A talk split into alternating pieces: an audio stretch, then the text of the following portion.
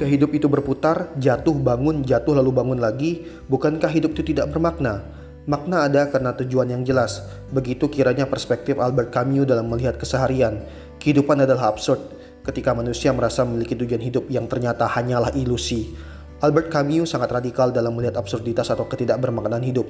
Ia menggunakan mitologi Yunani tentang Sisyphus yang dikutuk oleh Zeus untuk seumur hidupnya mendorong batu ke puncak gunung yang sebenarnya tidak pernah ada. Kita adalah Sisyphus yang meyakini bahwa kehidupan yang kita dorong ini dapat sampai ke puncak, namun ternyata puncak hanyalah ilusi.